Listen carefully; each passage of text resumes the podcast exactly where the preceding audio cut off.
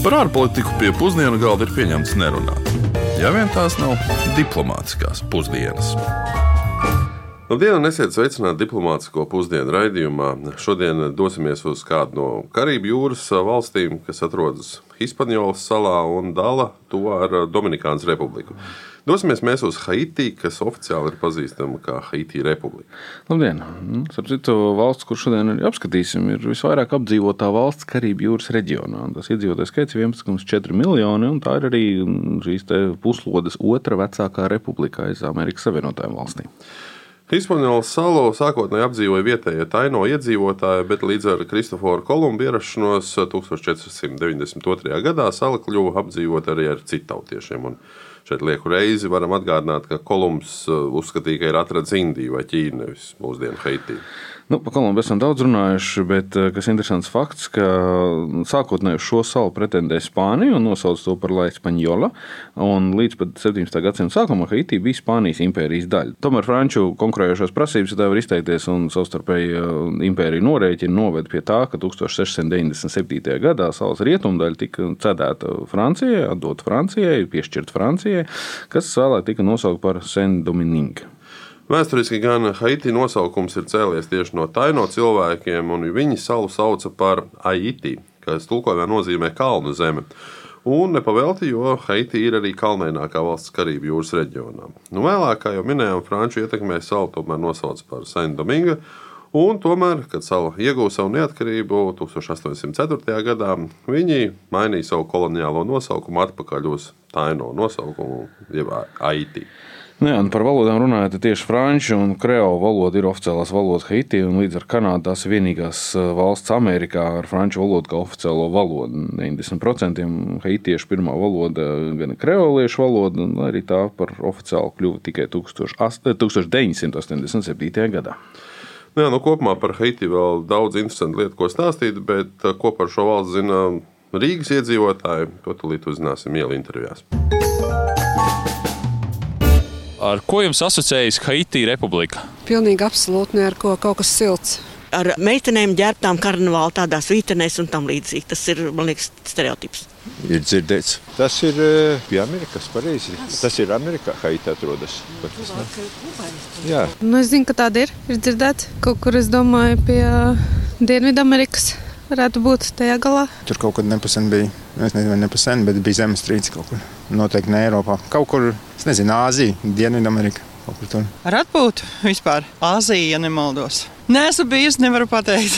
Kaut ko siltu ar atpūtu. Droši vien Haiti atrodas. Pats vīrs man es nepateikšu. Kaut kur klusajā okeānā man šķiet. Zemestrīcēm sen atpakaļ bija kaut kas tāds. Esmu dzirdējis, esmu. Kā bija kaut kas, kas pretendēja uz to prezidenta amatu, ka ne Vaikls Žons vai kaut kas tam līdzīgs. Šoreiz pamatēdienā gribētos parunāt izvērstāk par divām lietām, ar ko Haiti ir diezgan zināma - ar Antiļu salu pērli un ar Saules pilsētu. Savulaik 18. gadsimtā Haiti bija viena no bagātākajām kolonijām pasaulē, ar plaukstošām cukurniedru plantācijām, kafijas, kokvilnas un indīgo ražošanu. Salas satriecošās ainavas un plaukstošā kultūra arī papildināja tās pievilcību, nu, kas noveda pie šī segvārda antiļu pērle. Nu, man jāsaka, ka šī labklājība tika uzcelta, nu, kā jau ierasts tajā laikā, uz Āfrikas vergu mugurām, un uh, tie tika atvest uz sauli, lai strādātu plantācijās, un attiecīgi lika ļoti daudz pamatus pašreizējām valsts ekonomiskajām arī problēmām vēlākajām. Um, diemžēl Haitī tiek uzskatīta par nabadzīgāko valsti rietumu puslodē, un valsts IKP uz vienu iedzīvotāju pēc pirms iespējas paritāts ir apmēram 3000 eiro. Nu, aplūkojot mūsdienu antiļu pērles mantojumu, valsts ekonomikas vadošās nozares ir lauksaimniecība, ražošana, arī pakalpojumi. Lauksaimniecība valsts auglīgās zemes dēļ ir lielākā nozara un nodarbina vairāk nekā divas trešdaļas no visiem valsts iedzīvotājiem. Vienlaikus veido vienu aptuveni ceturto daļu no valsts IKP. Galvenās Haiti audzētās kultūras ir jau iepriekš minētā kafija, mango, avokado, kakao un rīsi.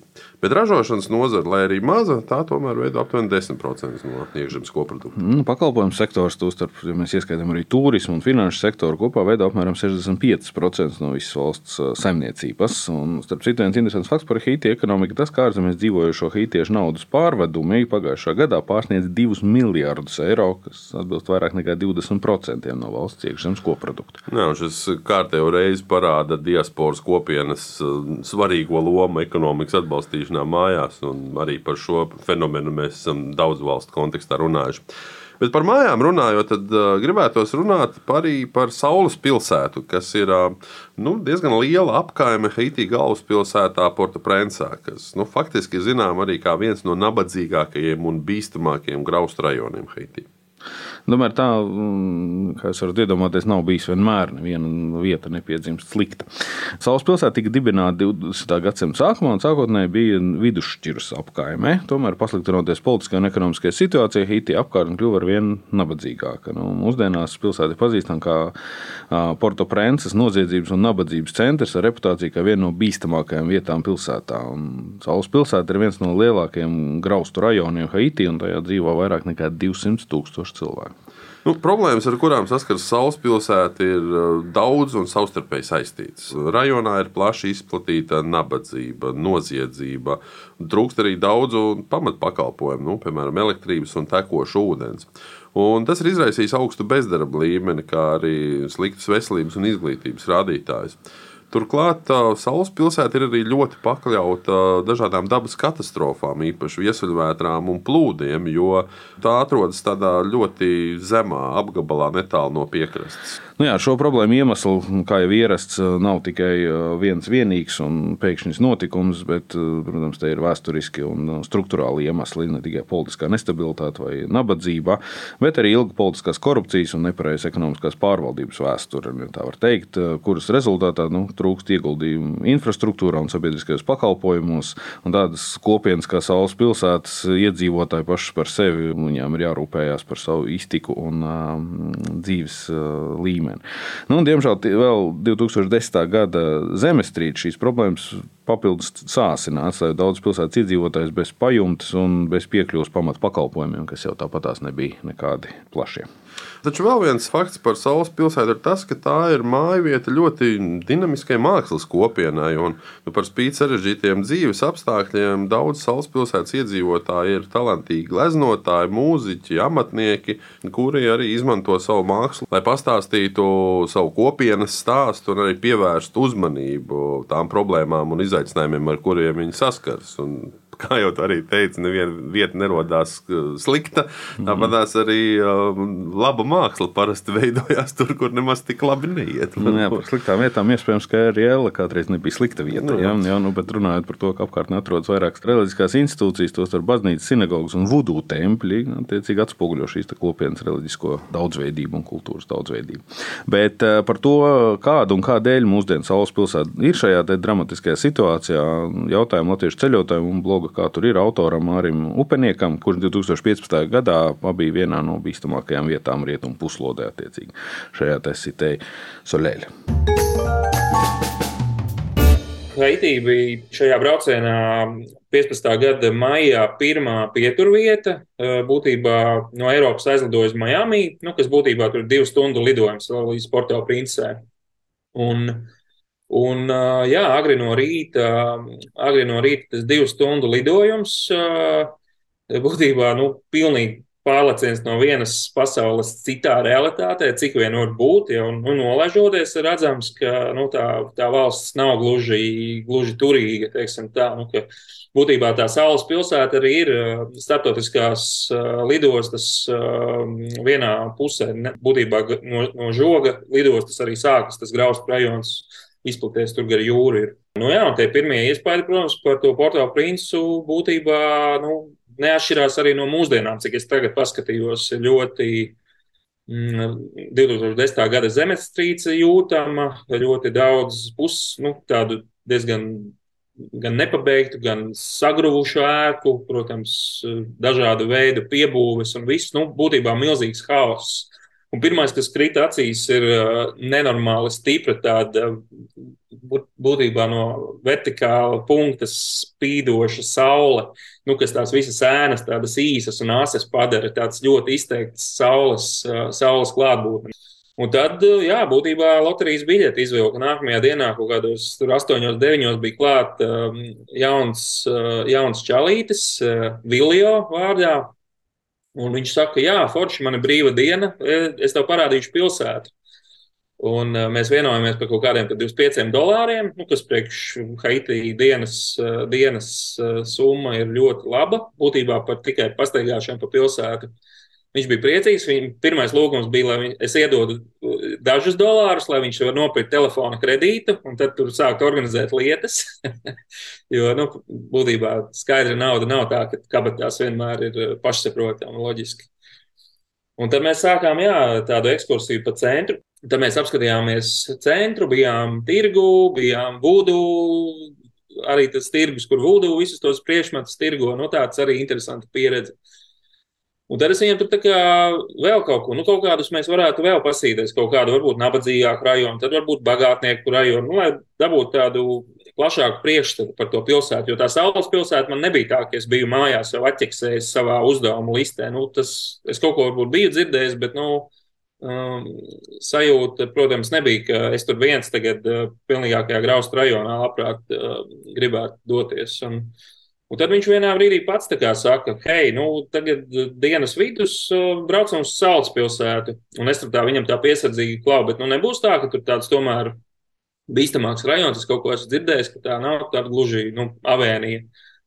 Un viņš saka, nē, nu, tur, tur tu jutīsies visdrošāk visā pilsētā, ja ar mani esi kopā. Un tad uh, izrādījās, ka uh, viņam vai vectēvs vai vecvectēvs ir viens no tās saules pilsētas, ne tā dibinātājiem, ne tā pirmajiem tur uh, kolhoza priekšsēdētājiem. Es neatceros, kas viņš gluži bija, bet uh, būtībā nu, atkal otrs, otrs variants, kad jāatzīst sev, bija šī loterijas biļete.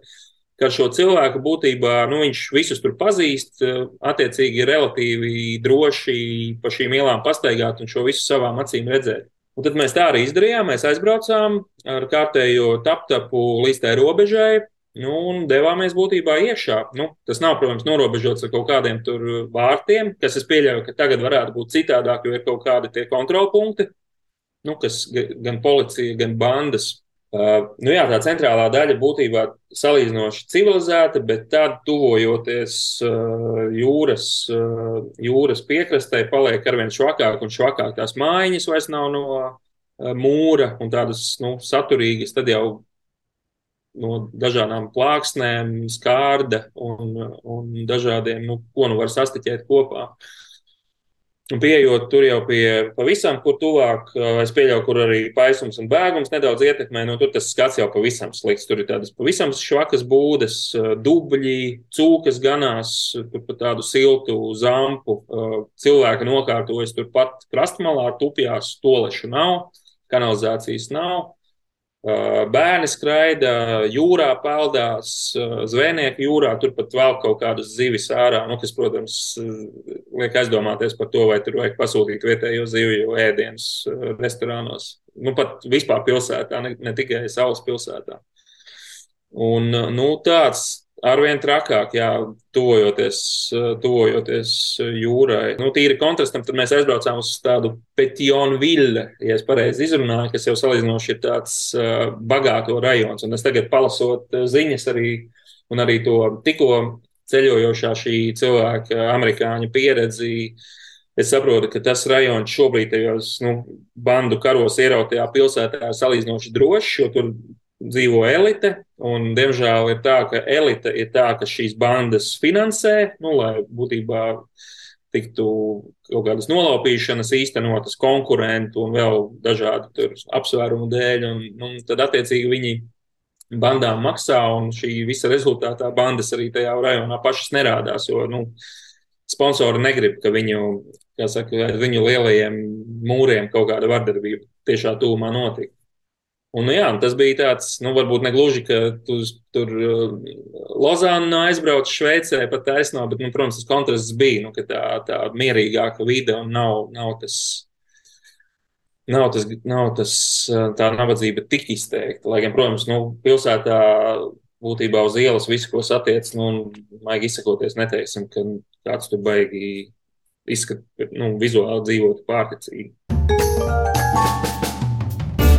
Nu, rezumējot, jāsaka, ka savulaik bagātā kolonija, kas uh, eksportam ražoja cukuru, kafiju, tagad ir uh, viena no nabadzīgākajām valstīm uh, reģionā. Un 80% iedzīvotāji dzīvo zem nabadzības sliekšņa. Politiskā nestabilitāte ir viens no galvenajiem izaicinājumiem reģionā. Taču par spīti tam visam, tomēr Haiti ir bagāts kultūras mantojums ar arī dinamisku gan mūzikas dzīvi, mākslas kopienu un bagātām tradīcijām. Un, uh, Vienlaikus tomēr par, vis, par spīti visādiem izaicinājumiem, tomēr arī valdība pieliek pūles, lai uzlabotu gan uzņēmējdarbības vidi, arī palielinātu ārvalstu investīcijas. Un gribētos prognozēt, ka ar pareizu politiku un ieguldījumiem Haiti ir potenciāls atkal kļūt par plaukstošu un pārtikušu valsti. Lai cik būtu paēdis, vienmēr ir vieta arī desertam. Nu, tagad ir laiks pienācis arī kā ierasts desertam, un Saules pilsētas kontekstā jau minējām par reliģijām un to daudzveidību. Un tāpēc šoreiz jāparunā laikam ir par vienu īpašu, par kuru vēl neesam runājuši iepriekš, un attiecīgi par vudu un par tās nozīmi Haitī kultūrā. Kamēr katolicisms faktiski ir 70% valsts iedzīvotāju, reliģija protestantisms ir 16%, un mazākās konfesijas ir 4%, un attiecīgi daudz vietēji iedzīvotāji praktizē tieši vudu. Nu, par vudu es pieļauju, ir dzirdējuši ļoti daudzi, un tā ir Afro-Karību jūras reģiona prakse kuras saknes ir meklējams Rietumāfrikas garīgumā un reliģijā. Izcelsmes valsts tomēr ir Haiti, un mūsdienās dažādās formās vudu tiek praktizēts arī ārpus Haiti, nu, piemēram, Luizijānā.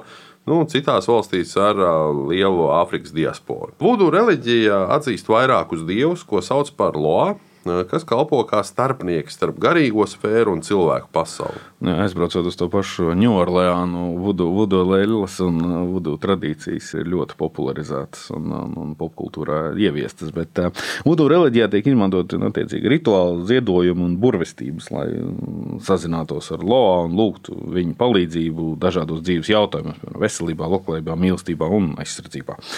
Nezinu, militārajā. Vudu praktizētāji uzskata, ka Loā spēj sniegt norādījumu gadījums, dziedināšana, risinājums personīgām problēmām, un viņi piedāvā attiecīgi pretī dāvanas un upurus, lai viņus nomierinātu un iegūtu viņu labvēlību. Tu jau pieminēji, ka vudu bieži tiek saistīts tieši ar šīm vudu lēlēm. Tas ir mazas figūriņas, ko izmanto burvestībās, rituālos, lai attēlotu personu vai garu. Nu, filmās nu, droši vien esat redzējuši, kā radatiņām dur, tur acī rokā, kājā, un otrs cilvēks tajā brīdī tur raustās. Es tādu vienu iegādājos un uzdāvināju tālāk. Es domāju, ka mājās praktizē.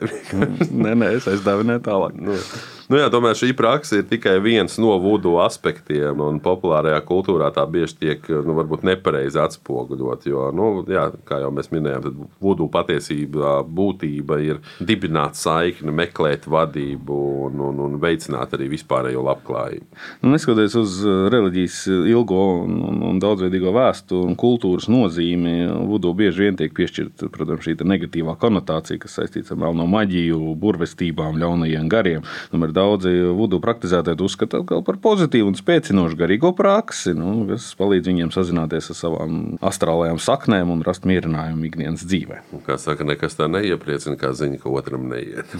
Bet ar šo arī ir pienācis laiks noslēgt mūsu raidījumu. Un, pieminēšu tikai to, ka nākošais raidījums mums būs par Gvinējas Bisavas republiku. Uz sadzirdēšanos. Nu jā, vēl tikai atgādināšu, ka raidījums ir klausāms podkāstos, noticis radio mājaslapā, LSM mājaslapā, jaunajā, vecajā, lietotajā, visiem redzētajā Latvijas radio lietotnē, mobīlo telefonu.